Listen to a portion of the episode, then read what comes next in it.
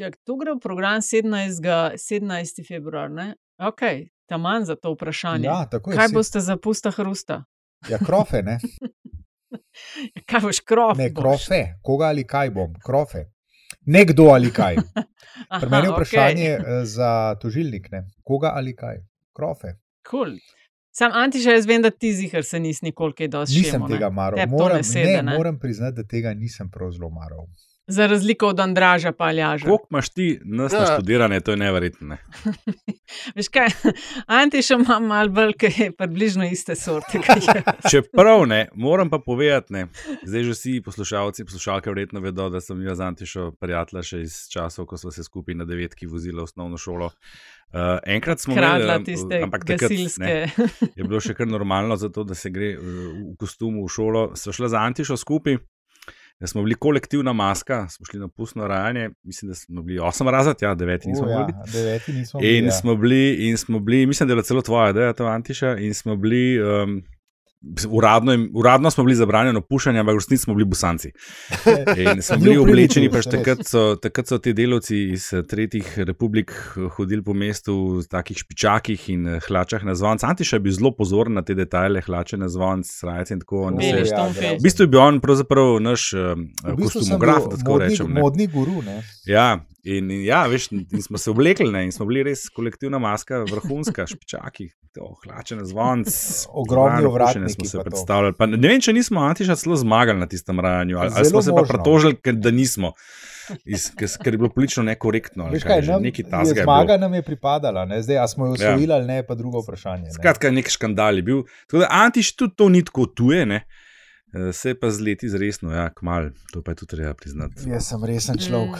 Mm. Jaz smučam pa najbolj take stvari. vseh nas. Ne. Jaz Ja. smučam pa tak, take To je stvari. kažare lepotec. Prvi se je poročil, prvi je imel otroka, Tudi, tudi ločil sem prvi se je preselil. Ne, Prvi dobo to obleke, zvezke iz ITV. Prvi je imel iz- količke in to na bele štumfe, to, to treba Bil dodati. sem kot Michael Jackson, samo rokavice nisem imel. Ja. Laborant. Sam po A višini. si znal tudi prvi, stisniti sem nazaj hoditi? A si znal ti moonwalk ali kaj Ne, je to pa ne. Sem pa zadnjič, to, je pa- to je je pa zelo za zanimivo. Zdaj, zdaj ko si pa omenila Nataša, zadnjič sem, pa ne vem kako ne, ampak zadnjič sem nekje prebral o uh, uh, fenomenalnem televizijskem prenosu, ki je nastal, mislim, da 25. obletnici Motown založbe, ne? to je znana založba. Uh, afroameriške glasbe, ali kako se temu reče, črnske glasbe, kjer je Michael Jackson prvič izvedel ta svoj moonwalk. Ne? Tako da, Aha. če koga zanima, tako kot zgodovinski artefakt, toplo priporočam. Uh, ker tam to je bilo, mislim, da nekje v začetku 80-ih, uh, takrat je tam nastopil kdorkoli je kaj pomenil v tistem trenutku v glasbi temnopolte Amerike. Nastopil je tudi Marvin Gaye, to je zelo zanimivo. Uh, izvedel je fantastično, izvedel What's Going On. Tako da res toplo, toplo, toplo priporočam. No, če smo že v zadnjih 30, ja, ja bi pes nadaljeval s priporočilom mene, ali ne, ali gremo, ali gremo od začetka vsem. Ne gremo od začetka, ampak kar dej. A ti si mislil že kar zdaj z tistim, kar boš pa povedal? Ne, on zdaj bava. Jaz sem hotel pa samo pripomniti, ne, um, da v današnjem svetu vaša bosanska skupinska maska bi bila razglašena za kulturno apropriacijo. Ne, tako da še dobro, da ste jo naredili takrat, ko ste jo lahko. Seveda. Ja. Nataša, kaj si bila pa ti zapusta? N- n- Zelo redko kaj, sem se tako kot Antiša bolj kot ne izogibala, tako da verjetno je v koncu osnovne šole so bili ta zadnji, ali pa ajde še srednja šola mal, pol, pol pa sam, če sem res mogla. No. No, pa povej, kaj, kaj, kaj si bila? Pika polonica, si bila čebelica Maja. Pika polonica sem bila, pa seveda sem bila tudi črnka, No, evo, pa mislim. No, evo, klovnesa ne. sem Že bila. pa Škatla sem bila, Škatla si bila. škatla sem bila, ja, tako. Ja, mislim, vidiš, v redu, Lej, ja. to, to, te, ta običajen asortiman. Ja. Evo, jaz pa preden gremo na špico, pa še vi povejte, če so ste kaj spomnili. Uh, priporočila glede nakupa krofov, to je to zdaj te dni. Jaz imam sam dve in sicer gostilna Kukal Velike Lašče, pa Ljubljanska Rašica. Ta je pa stalnica. a? Stalnica, ja, dobra sta, ta res dva sta dobra, dobra. Jaz bom pa rekel, svoje naredite. Pred nami je časna naloga. Jaz se bom zahvalil gospodu Janezu Janši, da mi je rekel, da zdaj je moje novo poslanstvo tukaj z vami. V novem letu nas čaka prihodnost, ki se še ni zgodila. Fantje igrajo monopoli z državnim premoženjem. A ti veš, da ta štejpa ni nikoli obstajala, da nas je un nategnil na cel čas. Jaz uh, na takem formatu ne vidim popolnoma nobenega smisla. To je LDGD, podcast, ki nikogar ne podcenjuje in ničesar ne jemlje preveč resno. V imenu svojih najbližjih in v božjem imenu vas pozivam na lov. Bom kdaj pa kdaj stresla kakšno šalo. Podcast LDGD je to, ki nikogar ne podcenjuje in ničesar ne jemlje preveč resno, in še posebej ne politike. Z vami pa Andraš Zorko Valikon, privatnik Antiša Korjan, Aljaš Pengovitenc Radio Chaos in Nataša Briški, Metina Lista, ki se vam zahvaljujemo za vso pozornost, ki nam jo namenjate. In kaj sem hotel? Aha, to je 124. seja sveta LDGD. Teme Aljaš pa smo rekli raziskava o razpoloženju med prebivalstvom, ne, spoiler alert, ni v redu. Pa v tednu Valentinovem o političnih porokah. Kaj še tebe matra, nas matra? Uh, čas zvone še jaz odpreti tole, kva smo imeli. Uh, ja, no, uh, od nekod so se pojavile ideje, um, oziroma kaj je to, ideje o Pahor, Logar in uh, odpadniki SD in SDS stranki. Mogoče bi lahko to malo preigrali, ker je to čuden vse skupaj. In uh, ne vem, mogoče lahko rečemo tudi še kakšnemu, uh, kakšno besedo ali dve o akcijskem načrtu za odbrano tekovina slovenske osamosvojitve pa pa že konc 35. Ne?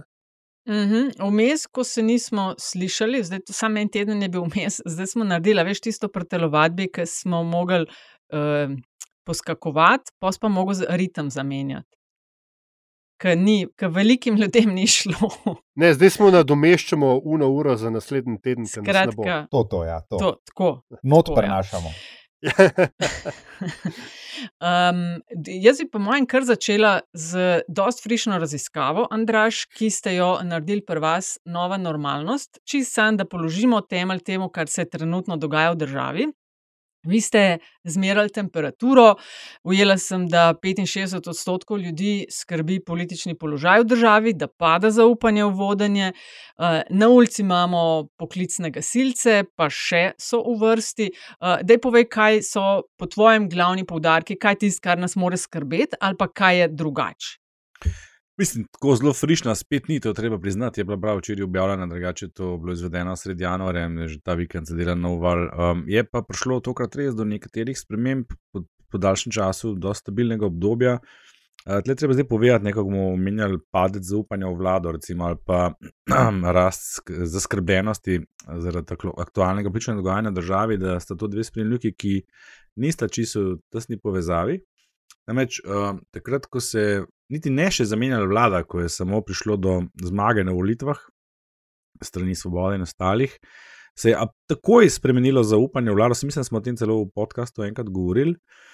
Iz nekih minus 49, kot je bilo značilno za vlado Jana Zajanše, govorimo o stopni zaupanja, to je ta razlika med pozitivnimi in negativnimi odgovori, v, v minus 3 ali nekaj tasga. Ne? Skratka, ja, minus 3, minus 46, minus 3. Skratka, ogromna razlika, že sam s tem, da, da so bile volitve in pol. Ko je ta vlada prevzela oblast, je bila ta stopna celo pozitivna, kar je redko videno. Mislim, da v zadnjih desetih letih tega še nismo videli. Tako navdušenje je bilo na to spremembo oblasti, da samo zaradi tega nevrjetno zrasla zaupanje v to vlado. In junija 2022 je bila ta stopna 22. To je pomenilo kar, kar lep delež odgovorov, pozitivnih, uh, ki so prednačili pred negativnimi, pa se je to malo umiril. Oktober lani je bilo prvič minus 3. Zdaj smo pa na minus 9, januarja 2023. Ne? In to je tudi, da je tudi najnižja izmerjena stopna te vlade. Še enkrat bom upomnil, da je Janša vlada končala z minus 46. Skratka, do tja je še kar daleč, uh, ni daleč od tega, da bi situacija to kritična, je pa vedno bolj uh, zaskrbljujoča, očitno. Uh, ocena, oziroma vedno več ljudi je zaskrbljenih, uh, kar se tiče splošne politične situacije v državi. Tle pa ta zaskrbljenost počasi narašča, od poletja do avgusta, ki je bila 15%, ne, da, so, da so ljudje omenjali to kot dogodek, ki najbolj vpliva na njihovo življenje, do 29. januarja, to je v bistvu podvojen delež. Ne. Um, tako da ta vlada očitno je prehaja zdaj v to fazo a, ko je bolj podrobno gledal, ko je bolj kriva za vse. A, težko bi jaz potegnil ven kakšen razlog, zakaj je to tako. Ne? Če bo kdo rekel, da je dogajanje okrog zdravstva, zdravstvene reforme in tako naprej. Ne vem, ne, na tistih sicer popolnoma nepotrebnih, da ne rečemo, botnih raziskavah priljubljenosti je minister Loredan na drugem mestu ne, ali tretjem, kako že. Ne. Tako da očitno to ni bilo to. Um, je pa možno, seveda, da z vsemi temi dogajanji, pa z občutki, ki jih imajo ljudje okrog uh, življenja, tle pa po mojem, predvsem draginja, ki je še vedno absolutno na prvem mestu. Veš, kaj se mi zdi super, da si, da si poudaril, oziroma da, dal v kontekst. Ne? Za trenutno si rekel, golobovo vlado minus 9, ne? če sem si prav zapomnila, ampak Tako, da ja. Janševa je imela minus 48, 46 do 48. 46, Skratka, ja. Toliko je, ja, toliko je razlika. Niti približno ni enako, kot je bilo. Uh, zelo očitno. Ne, ampak, veš, je pa trend je pa zelo jasno negativen. Ne? Se pravi, maja, ko so bile uh, volitve, oziroma maja, takoj po volitvah maja, je, je več kot polovica, 58 odstotkov vprašanih reklo, da se politična situacija, oziroma aktualni politični dogodek države, da se ocena situacije je, da se izboljšuje. 58, ne? 42 pa da se mhm. slabša. Zdaj, januarja, to je kaj, 9 mesecev, 8 mesecev kasneje, je samo še 35, da se izboljšuje, in že 65, da se slabša. Skratka, in veste čas po ta delež, ne, da se izboljšuje, počasi pada. Ta trend pa je nekaj, kar bi morali moral to vlada skrbeti. Andraša, mm. se da. Jaz bi, jaz bi špekuliral, oziroma mislim, da se ne bom zmotil, če bom rekel, da je vse to, o čemer si govoril, ali pa vsaj v veliki meri povezano s pričakovanji. Se pravi, ključna sintagma tukaj mislim, da je pričakovanja ljudi. Ne? Da je po eni strani bilo naivno, eh, se pravi, ti visoki rezultati, visoki rejtingi vlade. Se jih da pojasnjevati skozi to, da je javnost od njih zelo, zelo, zelo veliko pričakovala. Uh, potem pa Absolutno, se je. Se to smo takrat že govorili. Pa, ja, seveda. Ne. Potem se je pa, potem je pa uh, se dogodil trg z realnostjo.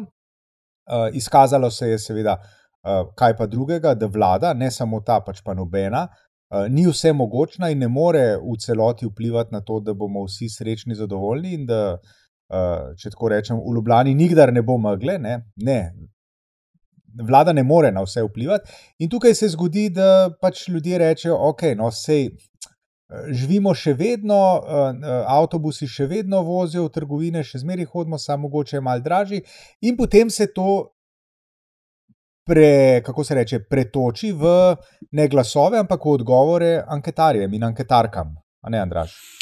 Ja, ja, ja, ja absolutno ne. Um, še ena stvar opozoril, Veš, kaj smo skozi pominjali, pa ne samo mi, ne, kako je prejšnja vlada v bistvu večino stvari zafrkljena z miločeno, z zelo slabim komuniciranjem. Komuniciranje se je pogosto omenjalo kot gla, enega glavnih krivcev za nezadovoljstvo, za nespoštovanje ukrepov tem času epidemije. Mm, mi imamo še pet vprašanj, kjer ocenjujejo delo vlada Roberta Golova, da je ena do pet na posameznih področjih. Eno od teh področji je tudi komuniciranje s prebivalci. In recimo še avgusta Lani je bila ta ocena relativno visoka, poprečje 3,1, ki je v osnovi nizko, ampak uh, više kot vse ostalo. Ampak takrat je bilo recimo ena tretjina ljudi, ki so dali oceno 4 ali pa 5 za komuniciranje s prebivalci. Ne? Zdaj, pol leta kasneje, januarja, jih je sam še slaba četrtina. Tle so v bistvu največ izgubili, to je zelo zanimivo ne, v, tem, v tem pogledu. Zgubljajo pa na vseh vidikih, ne, tako, kar se tiče uh, ukrepanja z, z draginjo, z cenami, še najmanj v bistvu uh, po, po vidiku nastopa obiski v tujini, tam, tam ni tako velike razlike, glede na pol leta nazaj. Ali pa ukrepanje v zvezi s koronavirusom, ki je pač itak v posebno v zadju. Kar nas pripelje v bistvu do naslednje ugotovitve, ne, kako je treba vendarle te številke, po mojem mnenju, jemati v mečkih različnih kontekstih. Um, mimo grede, Antiša za meglo v Ljubljani nikoli ni kriva vlada, vedno je kriv župan. Tako da to si moraš zapomniti. Pa veš kaj, v, v, v, v očeh povprečnega voljivca je to oblast. Zdaj, je to vlada, ne, ne. ali je to predsednik, ali so to sindikati, ali pa župan, se vse en. Ne. Hm. Ali, pa šol, ali, pa, ali, ali pa šolski ravnatelj, če si šolar. Tako, ne.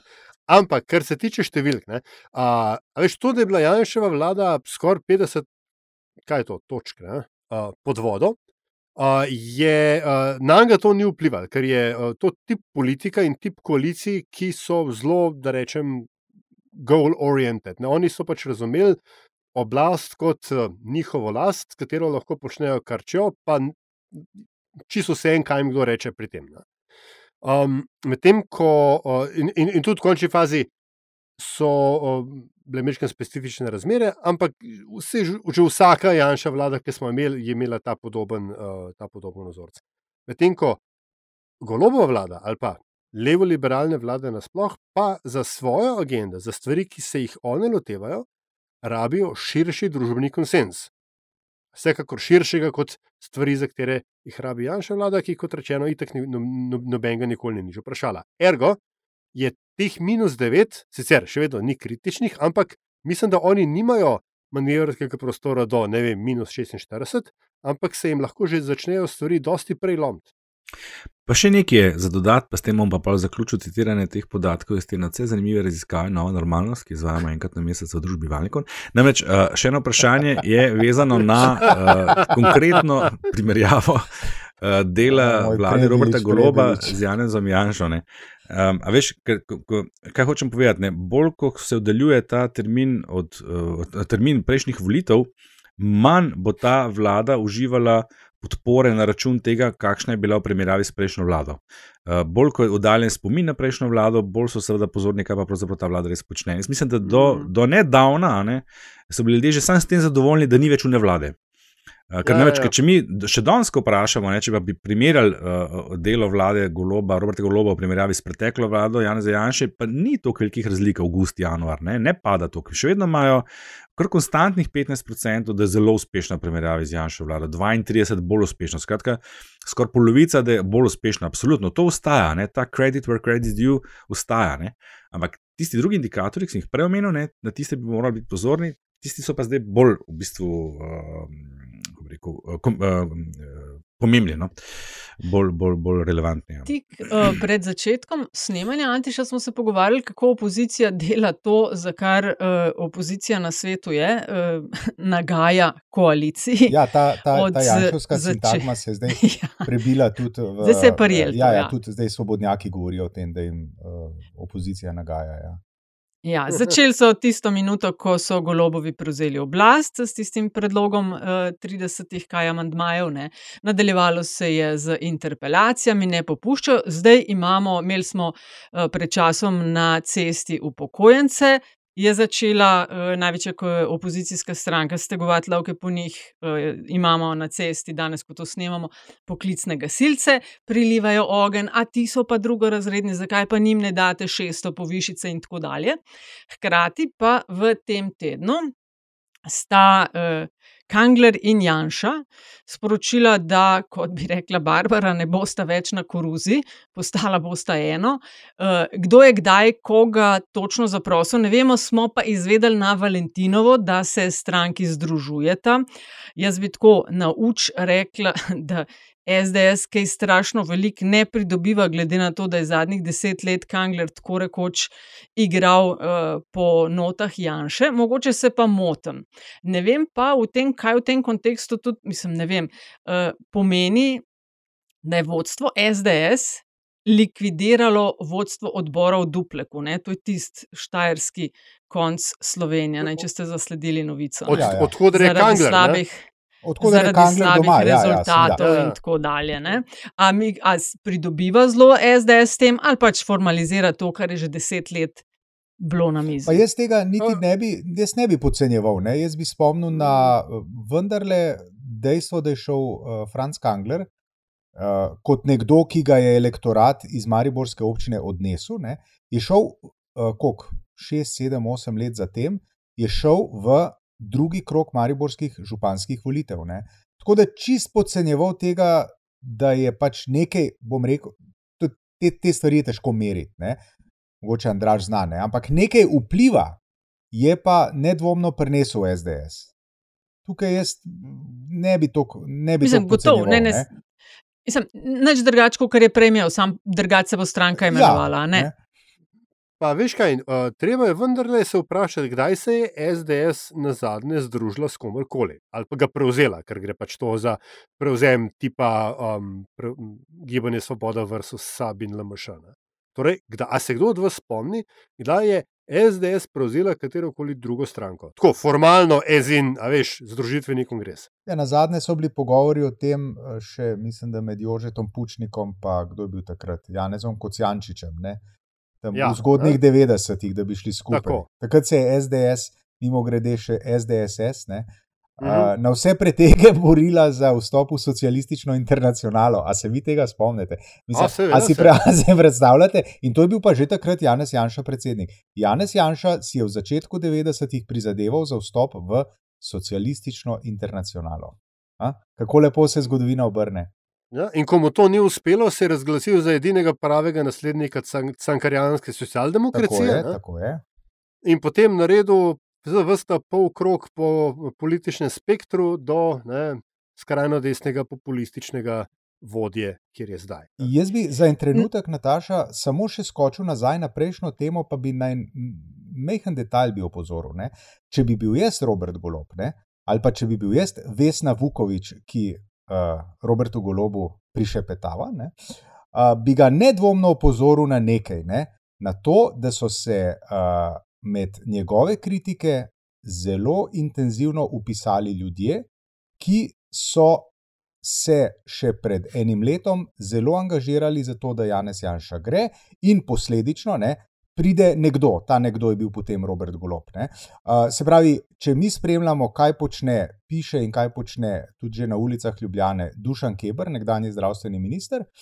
Uh, to, ni, to ni najboljša novica za, za Roberta Goloba. Ne.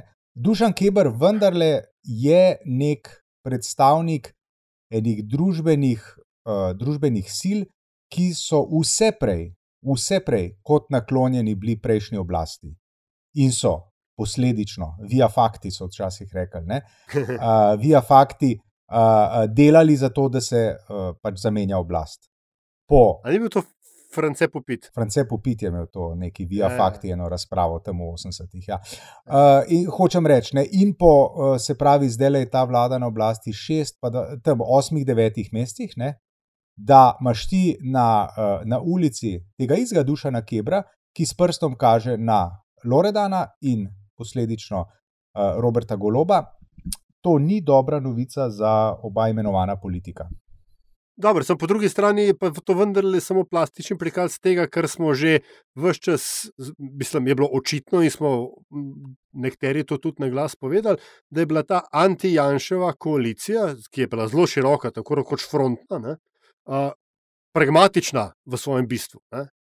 Ko Janša gre, potem vezivni element odpade. Tukaj ni bilo nikoli nobene a, a, skrivnosti ali pa, ali pa večje znanosti. Ja. Tako da na nek način je to tudi normalna, nor, normalno nadaljevanje. Ne? A, V bistvu se zdaj vračamo nazaj v normalno stanje, kjer je levo-liberalni blok spičkan sam med sabo ne? in se, in se zdaj krega. Ne? Tako je. In zdaj- tako je. Tem, ko vlada, kar je Antiša prejšnjič Ja, ne. podaril. ne. Pazi, ampak Um, sam, sam že to, če smo že pri zgodovinskih eh, referencah. Ne, um, če bi bil pa jaz, mogoče ne glede Vesna Vukovič, no, ki mogoče do tja v življenju mi res ne bo nikoli ratal, uh, ampak eh, recimo. Dvorni zgodovinar, ne, bi pa uh, Roberta Goloba opozoril na to, da so karte, ki jih lahko odigraš samo enkrat ali pa zelo redko. Ne, in ena od, od teh je opozicija nam nagaja.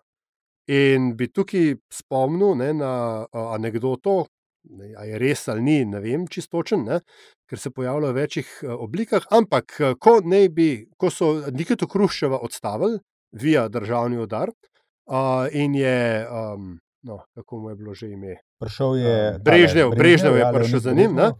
No, mu je ob predaji poslov Bojda Nikita dal um, dve ovojnici ne? in je rekel, uh, Mhm. ko boš uh, v težavah, jo odpri, ne? najprej eno, pa pa drugo. Ne? In res, se- se- se super, brižno, brižno pride v težave, odpre prvo ovojnico in piše, Nikita, prav, za vse moraš ukriviti mene. Ne?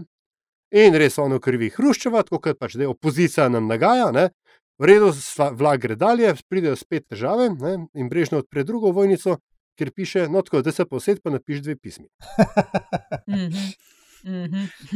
Klasika, klasika. Pre, no, prej sem rekel, da se tudi uh, dogaja na področju seniorjev in uh, upokojencev, kar živahno, ne samo protesti. Zdaj, 1. marca, mislim, da je napovedana nova runda protesta.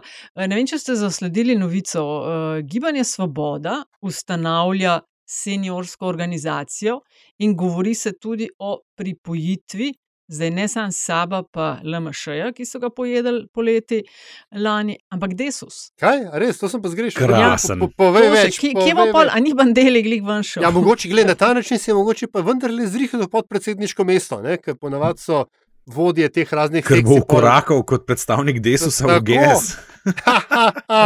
Carsko. No, dr- Drugač smo, decembra je bilo v Sloveniji čistko, ker smo prejšnjič govorili o cifrah. Decembra je, so v Sloveniji našteli 630 tisoč, pazi, pisalo je uživalcev pokojnin. Ne? Ta beseda uživalcev. Težki uživači, ne. Uživalci, ne? ker to so plače, ljudje, ki so ne vem, 35-40 let plačevali Ja, težki eh, uživači. ja. to, Ja. da so. Ful hudi uživalci, Ja, ja, ampak pa- da jemljajo nekomu nekaj. Zanimiv trend to, ne, tako po, po vseh letih, ko so se vse stranke, pa mediji tudi ukvarjali, kaj pa mladi, pa mladi, pa mladi, pa mladi, in je pol na koncu to Tak, ja, rezultiralo v, ne, v inštitutu 8. marec, če malo poenostavimo.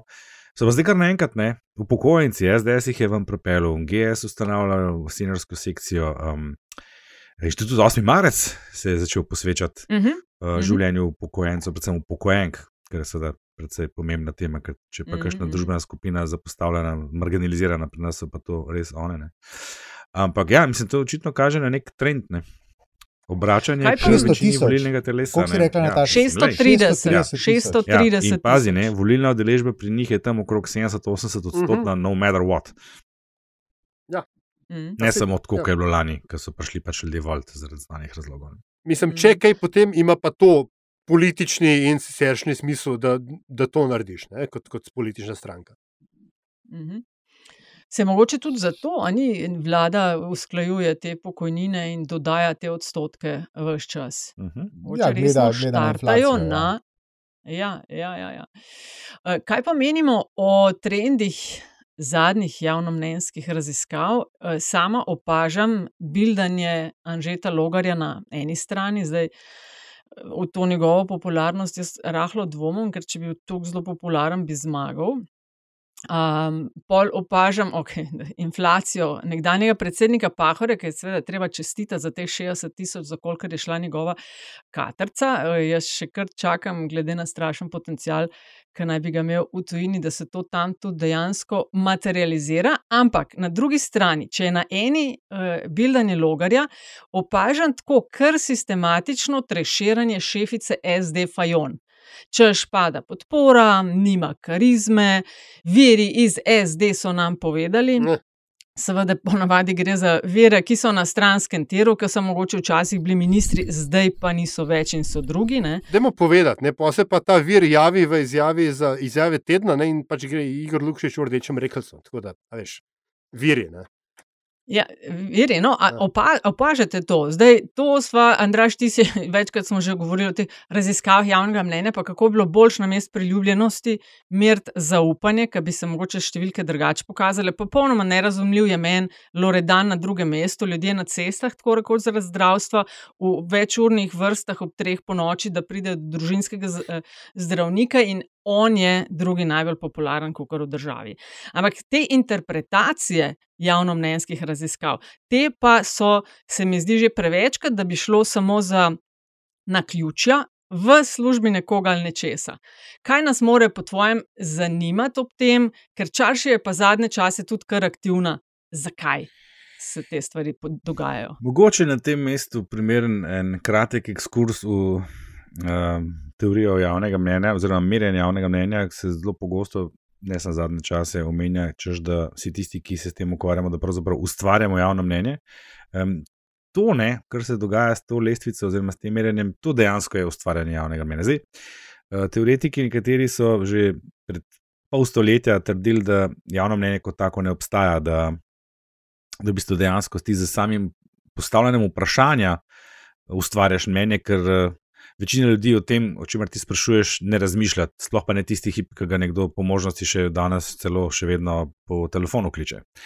In se pač, pač nam ne hitro o ničem odloči, o čemer sploh ne razmišlja. Ne. Seveda, ti, ko daš ne, tako vprašanje, ne, ocenite, ne vem, kako kuham je všeč, sploh ne vem, kaj sprašujejo, res ne. Od ena do pet, in ne samo to, ne, ti narediš izbor ne, Mhm. teh ljudi. Ne? Ti se odločiš, kdo je tam gor ne? in jih potem razvrstiš. Ne? To, to dejansko je ustvarjanje javnega mnenja. Uh, še posebej pa z interpretacijo, ta je pa najbolj priljubljen ali pa priljubljena, in Bog pomaga, jim spet mogo meni še, še, še najbolj grozen, če v bistvu razlike med njimi sploh niso značilne. Uh, in to res nima v bistvu blage veze. Ne smo do zdaj videli že večkrat. Ne? Tisti, ki je najbolj priljubljen, še nikoli ni zmagal na volitvah, če za res. uh, tako da jaz ne vem, če treba še kaj zgubljati besede o tem. Ampak vprašanje, ki je tle na mestu, je, s kakšnim namenom nekdo to meri in objavlja in interpretira, kako interpretira. Ne? To je tako, kot follow the money ali pa ne, kjer ni motiva, ni umora ja. in tako naprej. Ne? Why? Ja, pravi, Why? Ne, ne raziskave javnega mnenja, ampak interpretacije teh rezultatov. Ne? In način, na kjer ga kakšne stvari delajo. Ker, veš, Andraš, ti si pozoren, mislim, delamo ta podcast skupaj, ti si nekdo, ki je že 30 plus let v merjenju, javnomnenjskih raziskavah in tako dalje. Aljaš piše krasen blok o notranje političnem dogajanju v Sloveniji, aljaš kog že. Ja, od 2006. Ja. No, tudi že ful dolgo. Antiša, ti imaš kariero v vseh velikih uh, slovenskih medijih, kjer si delal tudi, ali pa mogoče predvsem kot notranji politični novinar. Jaz sem pa res pozorna tudi na to, kako nastopajo, kako komunicirajo, ker je pa ena druga stvar, recimo, ki se ki sem jo začela opažati tudi v kontekstu teh raziskav, ki bildajo logarja, treširajo fajon. Recimo, poklukarja je resorni odbor potrdil. In pol opažam v medijih, veš, da jim vprašati za mnenje nekoga, pa smo o poklukarju povedali v prejšnji epizodi. Da jim vprašati iz nasprotnega tabora. Kaj boš dobil? Ko sprašuješ iz nasprotnega tabora. Kaj bo recimo prejšnji minister Hojs imel o njem zapovedati? Ne? Ker če bi te res zanimalo, kaj in kako poklukar, pa vprašaš za mnenje ljudi, ne tiste, ki so jih zamenjali, uh, ker po defaultu je tako, kot z majstri. Ja, kdo vam je pa to delal? Vsak trešira prejšnjega in ve točno, kako bi sam boljš naredil. Ne? Zdaj, ko vidimo, koga vpraša za, za komentar, mi je jasno, da imajo, da imajo zgodbo že napisano, mnenje že izdelano, da sam rabijo eno ime za rubber stamping. A veš, aj tako težko malo širše pogledati, pa ne za komentar sprašovati samo ljudi, ki so vem, še vroči, ker so jih zamenjali ali pa so jih bili poraženi na volitvah, ker je seveda jasno, da bodo kritizirali. Vem, jaz v tem vidim kar problemno. Jezna štefica je jezna. Mislim, lej, vse vem, da je da na razpoloženju, kakršno je v državi, da je že vse politično, vse je naj, naše, vaše, ampak mogoče malo truda v to smer. Ne, ne loser je na volitvah, sprašvati, da komentirajo pol tiste, ki so jih zamenjali.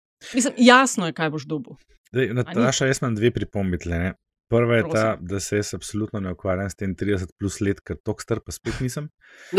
Takrat sem malo, da ne še kot pustna maska okrog skakal. Ne. Nimaš od 18. to že. A nisi ti že od 18. v tem? Uh, ne. ne. Kaj si pa delal po? Bil je odločen, ja, kaj si pa delal po? Ja, sem delal. Mislim, kaj si pa delal? 18, 18, 18 sem končal srednjo šolo, pa šel na faks, mislim. Ne. A, a nisi bil v Kati klicnem centru? A nisi Kati pa to že takrat? Kati center je nastal leta 96. Malte zdaj bavamo. No, ajde. Ne, ne, pa se pa sam nam zdi, da je to tako, da je to vplivno. Okay, to, ajde, to je prva resna pripomba. Se ja. upravičujem ja. za to želitev. Druga je, se ni želitev. Bolj sprašanje tvojega spomina. Uh, druga stvar je pa seveda um, tale pripomba okrog logarja. Ne? A Aha, veš, no? vse, sem ja, ne, si rekla, bi zmagal na volitvah in mislim, se prav veliko mu pa spet ni falil, ne, če smo iskreni. Ne, se on je pa vendarle dul 400 tisoč glasov. Mene ne čudi ta visoka ocena, poleg tega smo že večkrat rekli, ne, tisti politiki, ki niso dnevno izpostavljeni v medijih. Imajo praviloma visoke ocene. To je edina, edini indikator, ki, ki, ki ga lahko, mislim, edina indikacija te priljubljenosti je to. Ne? Kdo je na prvih cool. mestih? Ne? Kar pa zdaj, recimo, ne bi veljalo za Loredana. Ne? Loredan je pa tle kaj, ne? zdaj izjema, ki potrebuje pravilo. Verjetno je pa tu res neka druga, druga stvar v zadnje. Odkje je zdaj Loredanova ocena taka, kot je, čeprav je bil pa res veliko v medijih in to v večinoma negativnem kontekstu. Ne? Zakaj so ljudje torej vse označili njega za priljubljenega?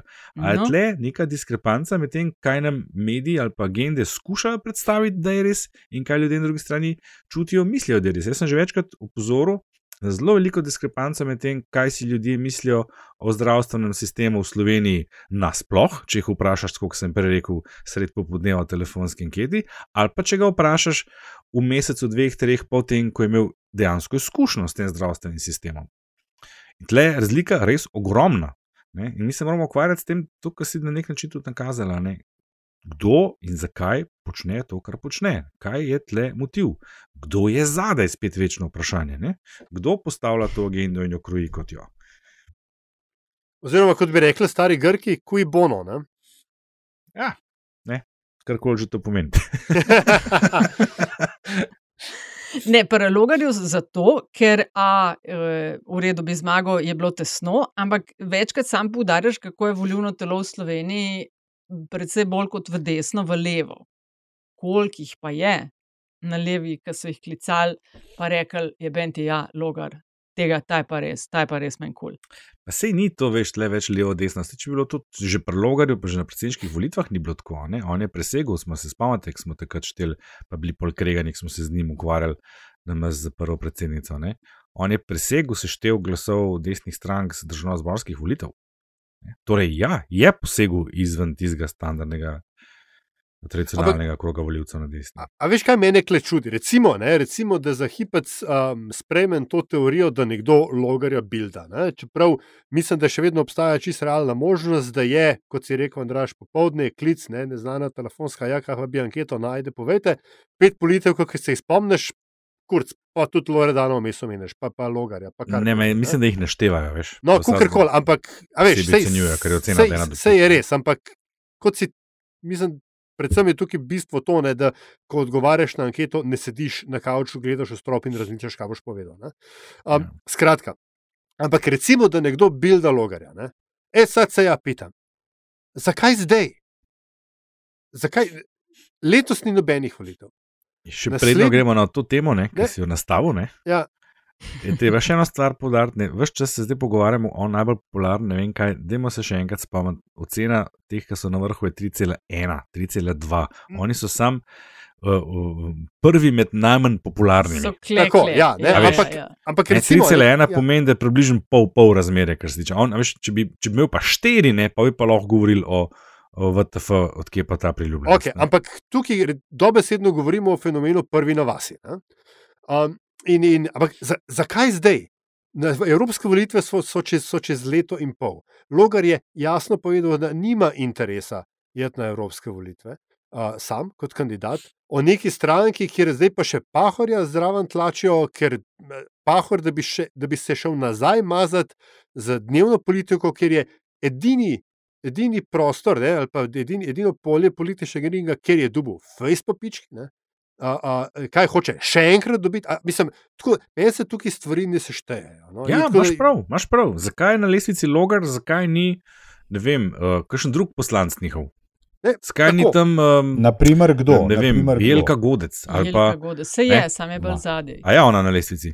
Mislim, da je. Ja. Mislim, da je. Celo je. Ampak je bolj prvo. Ja. Ja. A veš, Ampak je to, to je ležito vprašanje, zakaj je na lestvici on? Ne? Če ja. ni, ni minister, ni posla, ne, poslanci, ni, ni kandidat, zakaj ni, a veš, ne? zakaj? Sej, to pravim, čarši, antiša in to so zdaj tvoje minute. Ojo, a zdaj si pa dobila ta pravga. Ja, ja mislim. Spet noč ne. Spet s pokritimi ušesi, pa skakati po svetu. Nič od mene. Privatnik pa takne. Ja, ja. Ja. A nisi skozi na nekih kavicah tam na obali pa to? A sem tam se nič ne govoril o takih stvarih? Ne? Nisem, sploh nisem. Ja. Jaz sem zelo nedružaben. Preden gremo, ja. verjetno že počasi na polit bizarko, pa velja vseeno omeniti, da je kar živahno dogajanje, čeprav v času, ko to snemamo, še ne vemo, ali je bila odločitev sprejeta ali ne. In sicer glede novele zakona RTV, ne, vemo, da je novelo predlagala aktualna vlada, da tako oni, depolitizirajo RTV, da vodstvo drugače zorganizirajo. Um, aktualno vodstvo, um, oziroma ja, vodstvo RTV, ki je v posteli s prejšnjo vlado. Je že pred časom vložilo pobudo za oceno ustavnosti te novele, in vlada je nekaj ur pred našim snemanjem na dopisni seji odločila, da ustavnemu sodišču predlaga javno obravnavo ustavne presoje ter zaslišanje pričin izvedencev, kaj se bo iz tega izcimilo, bo odločil, kakšna bo odločitev tudi ustavnega sodišča, bo zadržalo izvajanje novele zakona ali ne. Uh, ta moment ne vemo. Je pa nekaj uh, prahu dvignilo tudi imenovanje določenih ljudi v ta sedemčlanski svet. Kakšna se vam zdi poteza, ker to bo sicer vse padlo v vodo, če, če zadržijo, ali kako je že. Ne? Jaz bi te tukaj sam tako dopolnil. Vlada je predlagala um, eh, ekspertne ne, priče in javno, javno obravnavo Tako. pri vprašanju, ali naj ustavno sodišče zadrži izvajanje zakona, še preden se odloči o tem, ali je zakon ustaven ali ne. Skratka, tukaj sta dve vprašanji v igri. Eno je, a zakon velja do končne odločitve ustavnega sodišča, kakršna koli ta že bo, ali zakon do takrat ne velja, kakršna koli pač potem že bo ta odločitev. In um, zgodovini, pač, um, kaj se tem reče, anekdotični dokazi ne kažejo na to, da uh, iz enega ne moreš nujno sklepati na uh, izid, izida enega, ne, o zadržanju ne moreš nujno sklepati na, na izid same ustavne presoje. No. Tako da klej še vse odprto. Razumem pa, da, so, da je mečkam panika, ne, ker mm, se očitno se, je vlada mečkam sedela na, na kaj je to, počivala na, na uspehih referenduma uh, in se stvari ne odvijajo tako hitro, kot bi si um, zagovorniki, avtorji um, zakona ne, in zagovorniki javne RTV, neodvisne RTV, uh, to želeli. Ne. Kakšna se vam je zdela poteza? Ves čas predvoljivne kampanje je napovedano, da to bo pa ena prvih stvari, tako, ki jo bomo zrihtali. tako. ne. Ki se je bodo lotili, ne nojno Ja. ja. zrihtali. Zdaj, če bi to delali Ma, tako roko nisem tako hitro. zelo prepri... Nataša, nisem tako zelo prepričan. Veš, da je... bil- Jaz mislim, da, da ti. Uh, mislim, dobro, ne me cit... mislim, Ja, ja, ja, Ne, saj, citirati. ja. ne, morem, ne morem citirati, no, ampak si pa mislim, da ti v predvoljivni kampanji ne govoriš o tem, kaj boš zrihtal, ampak kaj boš naredil. No, pa še nekaj, ali sem to pa, da dopolnim, ne, ocene, ki so prišle do mene, tudi potem, ko je novo pečena opozicija že vrgla, na- nasula peska v to konkretno kolesje, ocene so bile, ja, to zdaj do decembra bo trajalo, pa pa v redu. Ne. No, zdaj smo sred februarja, pa še ni v redu. Ne, ni bilo, Aljaš. Ja. Ja. Sva se midva pogovarjala z vodjo stavkovnega odbora na RTV, je omenjala uh, marc, april. Ja, ja, no, da, ne, ampak- jaz sem iz drugih, iz političnih, eh, ne iz novinarskih krogov. So, A ja, ah, veš, ne, to, da, ja, ja. Hočem reči, uh, um, predpostavke, s katerimi so šli v politični del, ne, tudi po volitvah z novim zakonom, te pre- predpostavke so bile, po mojem mnenju, uh, in zdaj se izkazuje, preveč optimistične, in to, kar se zdaj dogaja, je direktni nasledek tega. Kakšna se vam je zdela poteza predsednice države Nataše Pirc Musar, ki je s tistim žrebom dobila, da tudi uh, predstavniki verskih skupnosti imenuje? Ne? Rečemo temu verske skupnosti, ampak to so uh, predstavniki RKC-ja razumeli, kot da je eh, prostor, ki je za forever rezerviran za njih. Ona je pa imenovala predstavnico evangeličanske ali cerkve ali skratka direktorico zavoda Primoža Trubarja, ne? ki se jo povezuje z ne RKC-jem. Jah, Ja, zakaj pa ne oni? Ne? Ste opazili? mislim, Ne, ne, to je itak, seveda. kje pa muslimanska verska skupnost? Ne? Da, pravoslavna. Ja, Da o pravoslavni- vse slovenski mislim, da- zombi ali kaj cerkvi sploh ne govorijo. Ja, Meni ja, se ja, ne. zdi, meni se zdi Samo v oni so redu res Ja. Jaz bi to gledal na, tako na nivoju, pa vem, da predsednica se ne bi strinjala ali pa se ne bo strinjala, ne? ampak to je na nivoju štosa. Ne? Zakaj pa ne? Z, mislim, se lahko to naredi, se ni nobenega razloga. Um, Sam zakaj ampak pa mislim, da štos? si bo. Ne, veš zakaj? Zaradi tega, ker, um, zaradi tega, ker si bo s tem lahko povzročila tudi kakšno težavo, ki bi si jo lahko, ki bi si jo lahko uh, prihranila. Ne? Mi pač priznajmo si, Slovenija je ogromno večinsko katoliška družba, tako ali drugače. Ne glede na to, kaj kdo, uh, kam kdo hodi v cerkev, ali to zdaj uh, hodi v cerkev ali ne, in tako naprej. Ne. Slovenija pač dejstvo je, da je večinsko katoliška, uh, katoliška država. Tukaj ni Mm. verjetno nobenega dvoma. Ne. Če ne po tem, kot sem rekel, uh, practicing, no, ne vem kako se reče. Ja, ja, eh, ja. Ne po aktivni verski udeležbi, ampak po ne, Velika noč Božič in tako naprej. Ja, ne. samo v da pravilniku z- ni, da. Vem, Nataša, ne. absolutno vem, vem, da ni. ne. Um, in tisto, kar se zna zgoditi predsednici, da bo imela kakšno nepotrebno fronto odprto. Sicer pa s tem ni nič narobe, da se razumemo. Ja, ja, se Jaz bi se razumem. samo vprašal in pritrdil Aljažu, kaj pa muslimanska verska skupnost ali pravoslavna, oziroma ne. Tako, mogoče bi bilo za razmišljati o sistemu rotacije, kaj pa vem. Ne? Ja, ja, Je ja. pa, je pa seveda nekaj res, ne, da je um, za. Ker evang- evangeličanska verska skupnost ne, velja za bolj tolerantno in, in um, razumevajočo tudi do vseh ostalih, tudi do neverujočih, se mi zdi, da je mogoče tukaj več možnosti. Za, pa so zdaj mogoče moje predsodke, ki vam butajo. Ampak se mi zdi, da je tukaj več možnosti za predstavljanje različnih a, pogledov, različnih verskih skupnosti, ne nujno samo evangeli- evangeličanske skupnosti, kot pa bi, bi bile z uh, ne vem, a veš nekom, ki bi prišel iz slovenske škofovske konference. Ne. Sej, uh, po vsebinski plati, da se razumemo, Ja, tako ja, ja. rad zelo jasno povedal, da ne vidim absolutno nobenega problema v tem. Ne. Morda politično gledano, pa predsednica um, zna imeti kakšno težavico uh, iz tega naslova. Samo to sem Mhm, hotel mhm. povedati. Malo jih je potrolala. Ja. Zakaj? Ker lahko. Tako. Ja, ker lahko gremo na politbizarko. Eh, Da vam sporočim rezultate prejšnje. Antiša, veliki Kaj? Zmagovalec, Uroš, poglej se v špegu. Uh, 30 a res? A je zmagal na koncu? Je Zmagal. zmagal, ampak je bilo to ena bolj izenačenih rund in sicer je trojka na odru proslave, tako tam pa na 28. Tako da za las, medtem ko je masaža za ejakulacijo bila nagrajena s 23 odstotki glasov, glej.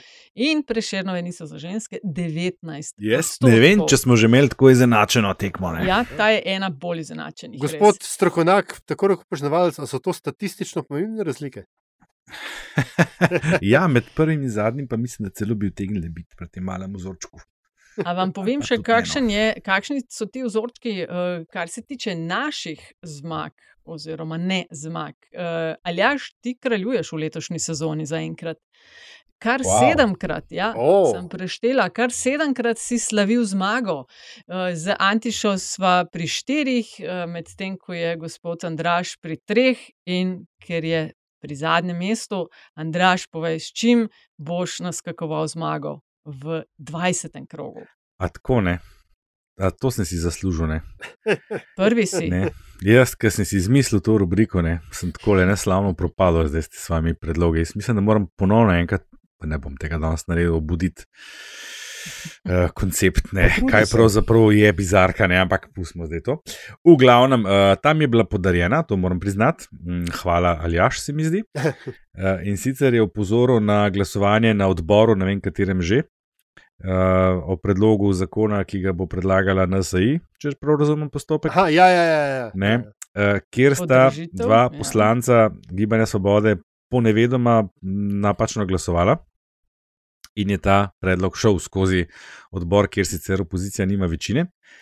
Uh, tak, ta pojav ni prvi, ne, tak. Mislim, da v prejšnjem sklicu smo imeli tudi nekaj situacij smešnih z uh, glasovanjem po pomoti.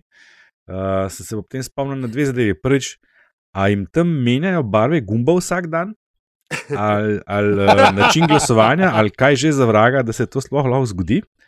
In ko sem na to pomislil, sem, sem si rekel, kaj pa če bi pravzaprav to res mogli biti, ne, da je en dan proti rdeč, drug dan zelen in tako naprej, ker pa bi morali poslanci res resno razmišljati, ne, ne pa samo da tako glasujejo, kot je na, naloženo. In drugič, seveda, a ni žalostno, da ne rečem bizarno, da samo takrat, ko kakšen poslanec ali dva na robe glasujeta, pride skozi celo kakšen predlog opozicije, ki je ne mara celo konstruktiven in zna biti blagodejen za družbo kot tako. To je moja bizarka za tokrat. Pa ti kot kralj teorij zarot, a nisi videl, kaj pa če ste se namenoma zmotili, ker zdaj, ko so frišni, še vedno lahko reče: O, šit, nisem vedel, da je rdeč danes. Ja. Tudi Za- to me je prešinilo. Ampak je? potem Mhm. mogoče kdaj drugič, sploh, ker sem okay. danes tudi recimo spustil, prej je bila čaršija, nekaj, kar sem slišal, ampak pol nisem bil pozvan, pa sem bil pa raje kar tih. Ne, kar povej, začar še vedno Ja, cajt, je, še ja.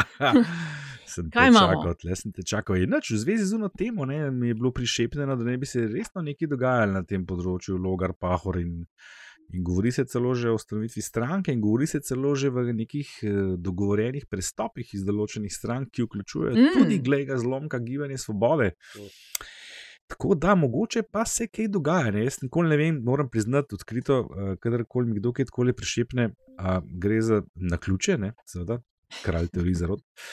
Ali pa sem par, prostočasni paranoik, ali pa skuša nekdo na našo agendo flikant uh, temo, o kateri se pa govori, in pa si mi domišljamo, da se tudi kdaj kaj zgodi. Uh, Kakšen timetable so dali? No, ja, ne, tako da ja, letos, vsekakor, še pred poletjem, da celo, in govori se oh. o devetih do desetih poslancih, celo vse skupaj. Oh. Kar nekaj od njih, seveda, iz največje vladajoče stranke, ki naj bi prestopili v to novo stranko.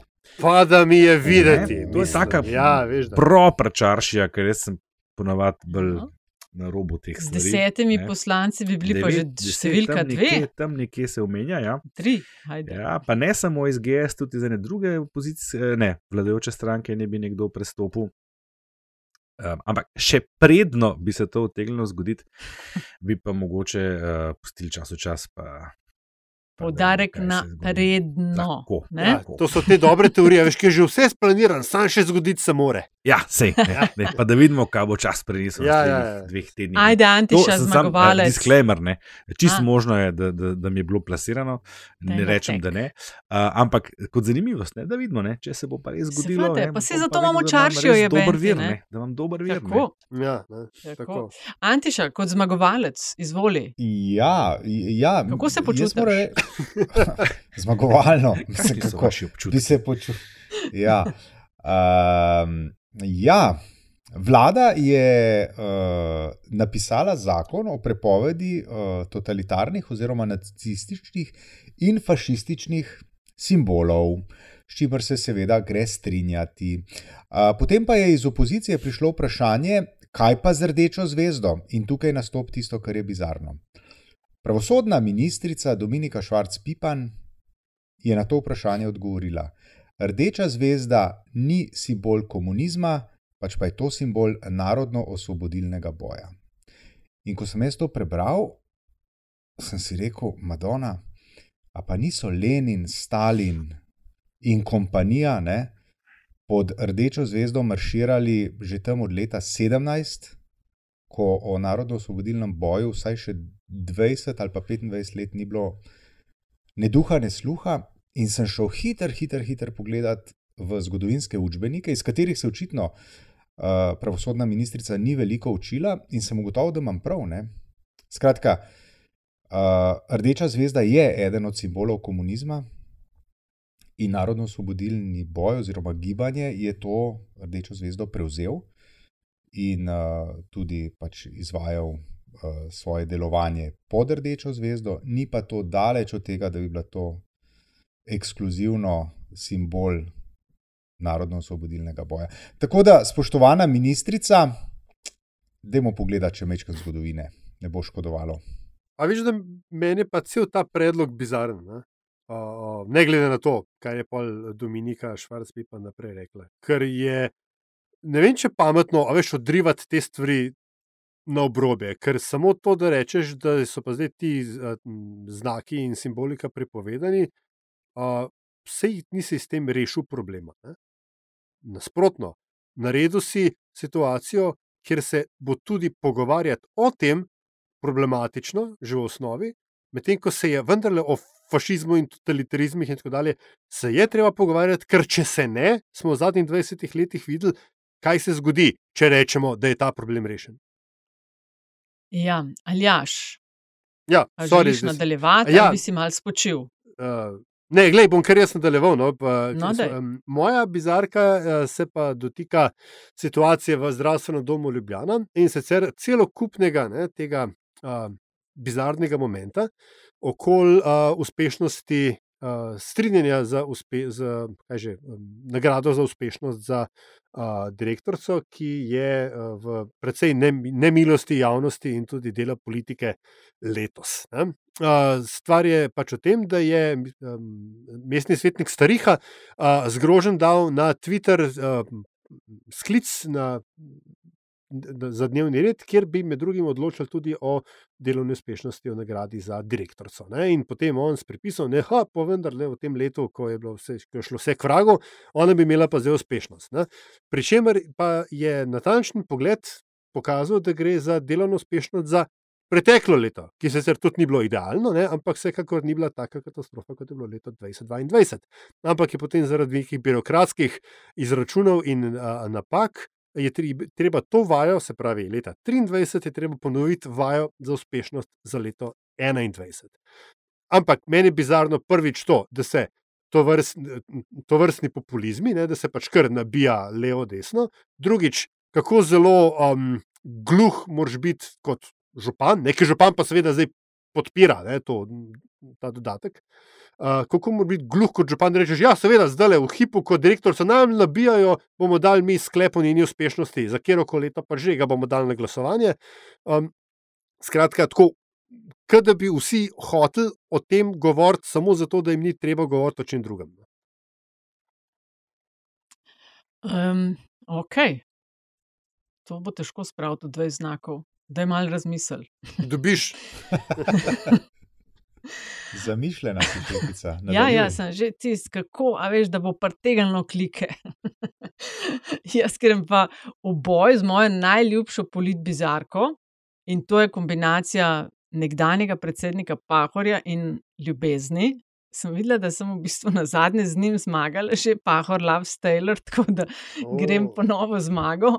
Nekdanji predsednik zdaj res dela skoraj dobesedno vse, da se po vem, 20 ali koliko letih na vseh možnih. Političnih funkcijah v državi še naprej ohranja v medijih, v kontekstu zbiranja sredstev za svojo katerco, se je krasno potrudil in tako kot se za predsednika spodobi, posnel video o tem, v katerem avtu, nekaj jih je imel v svoji karieri, je bilo bolj udobno seksati. Kje je več placa, v katerci ali fičkotu, oziroma kje se da ljubezen bolj izvajati, nekaj takšnega je rekel. Pa se ob tem spomnim, predsednica državnega zbora so na križ prbijali, dnevniki so se začenjali s tem, a je imela ona in zakaj je imela rdeče šolančke s peto, Eni se je mešal zaradi dolžine njenega krila na posvetu, da se, če se spomnite, bratušek pa nekih tigrastih vzorcev. Tisti se je tudi razpisal, da Bog pomaga. Zdaj pa nekdani predsednik države, predsednik, ne šef eh, avtomehanične delavnice v Livoldu, posname video, kako je bilo fukati v Katri, versus Fičkotu in nikome ništa kako je on, ki je boljš izvajal ljubezen. Skratka, to je moja bizarka, ker se mi zdi, da je za predsednika to tako. Bi se mi zelo kul, cool, če bi to, ko bi dala ženska, predsednica, ne, da bi enako bilo nikome nište, ampak ni. Ne. Tako da, ko bo pa naslednjič spet do talabo o enaki obravnavi političark in politikov, pa sam rečete prijazno, fakov, prijazno trčečim, gospe, ki se morate pa s tem ukvarjati, pa sem gas in naprej. Pol sem dal, pa sedeš nazaj, pa sem rekel, to mi deli miške. Ja, tako. Ja. Čeprav, veš, Zadnjih... miške v škodi lahko grejo, pa zisi čist nazaj. Tako da slaba izbira avto v vsakem primeru. Uh, zadnjih 30, uh, Andraš, bo, hočeš biti spet prvi ali bi ja, želel ja, malo? Lej, če že, no, če že ne zmagujem tam, ne, bom pa saj tle prvi, ne. nekje moram biti prvi. Ne. Se mi zdi, ali kva že. Ja, ja, daj, ja. daj. Vedno prvi, žal je lepotec, vedno prvi. Uh, jaz bi pa danes priporočil eno knjigo po dolgem času. In sicer gre za knjigo Črnilo žleb, Agate Tomažič. Uh, moram priznati, sicer, da še nisem prebral. Uh, je bilo pa rečeno na literarnem večeru pred, dobre, dobre. Dvemi pred dvema dnevoma, ki je bil krasen, krasen večer, da je knjiga odlična. Tam sicer tudi nisem bil, Um, imam pa a si, knjigo. A si vsaj film gledal? Mm, ne, imam pa knjigo tudi eh, z osebnim posvetilom, ki sicer ni moja, ni namenjena meni, ampak eh, kakorkoli. Uh, mislim, da gre za odlično knjigo in bi jo priporočil na tem mestu, še prednjo jo bom prebral. Ampak še kdo knjigo? Ne. ne, pa jaz jo imam, bom jaz pol nadaljevala. Jaz sem pa prebrala eh, zadnjo v slovenščino prevedeno knjigo hrvaške kolegice Slavenke Drakulič, Nevidna ženska in druge zgodbe. Šla je pri Beletrini, prevedla jo je Mateja Komel Snoj. Gre za zgodbe o staranju in starosti, temah, ki se jih izogibamo tabujih in stereotipih o ženskah in moških, in ob tem brezsramno vabimo klub Cankar Kljub. Klub Cankarjevega doma v ponedeljek, 20. februarja ob 19. ko bova z gospod Drakulič klepetali o tej knjigi. Nevidna ženska in druge zgodbe. Aljaš. A jaz, aha, prav. No, um, danes je 17. Uh, februar. Uh, včeraj je v ZDA in danes, mislim, da mednarodno postala dostopna tretja, oziroma vsaj prvi del tretje sezone uh, izjemne nanizanke, nadaljevanke Star Trek Picard. Jean-Luc Picard se vrača v tretji in zadnji sezoni uh, serije, imenovane po njem. Patrick Stewart še zadnjič upodablja uh, kapitana, admirala v tem primeru. Um, Ko mi čakam, make it so. In še Antiša. Ja, jaz bi pa izkoristil priložnost, pa bi uh, odgovoril našemu zvestemu poslušalcu in rednemu iz Lucije, ki je uh, do mene oziroma do nas spravil vprašanje, da se ne spomni, na, oziroma komentar, da bi imel kdo status vse prisotnega, tukaj citira, neimenovanega, kot ga ima Vesna Vukovič. In z vprašanjem, what the fuck, ali se je je zabat, ali kaj. Zdaj, uh, mi smo se na politbiroju, uh, dragi poslušalec, po, posvetovali, nimamo ravno občutka, da nismo, uh, da nismo imenovane gospe Vesne Vukovič imenovali z imenom in priimkom. Uh, dopuščamo pa, da smo o njej govorili, ne da bi uh, izgovorili njeno ime. Skratka, uh, v, lastnem imenu, v lastnem imenu in v imenu četverice obljubljam, da bomo v prihodnje ime Vesna Vukovič izgovorili vsaj tako pogosto, kot smo nekoč izgovarjali ime Nataša Čigavo. Gospoda Preveliča. Točno tako. sicer, pa, sicer pa živimo v prepričanju, da zaenkrat se v državi ni treba bati nikogar, razen kriminalcev. To je to, fajn se mejte te dni, ki pust hara po državi, pa dobre žure, kaj ne rečem, pa veliko krofov. Po žurih pa, Nataša, kaj? ne vem. Ne vem. Brez zamere. Ja. Skratka, če te dela neumnosti, računajte na to, da vam ne bojo zamerili. Čau. Čau. Čau.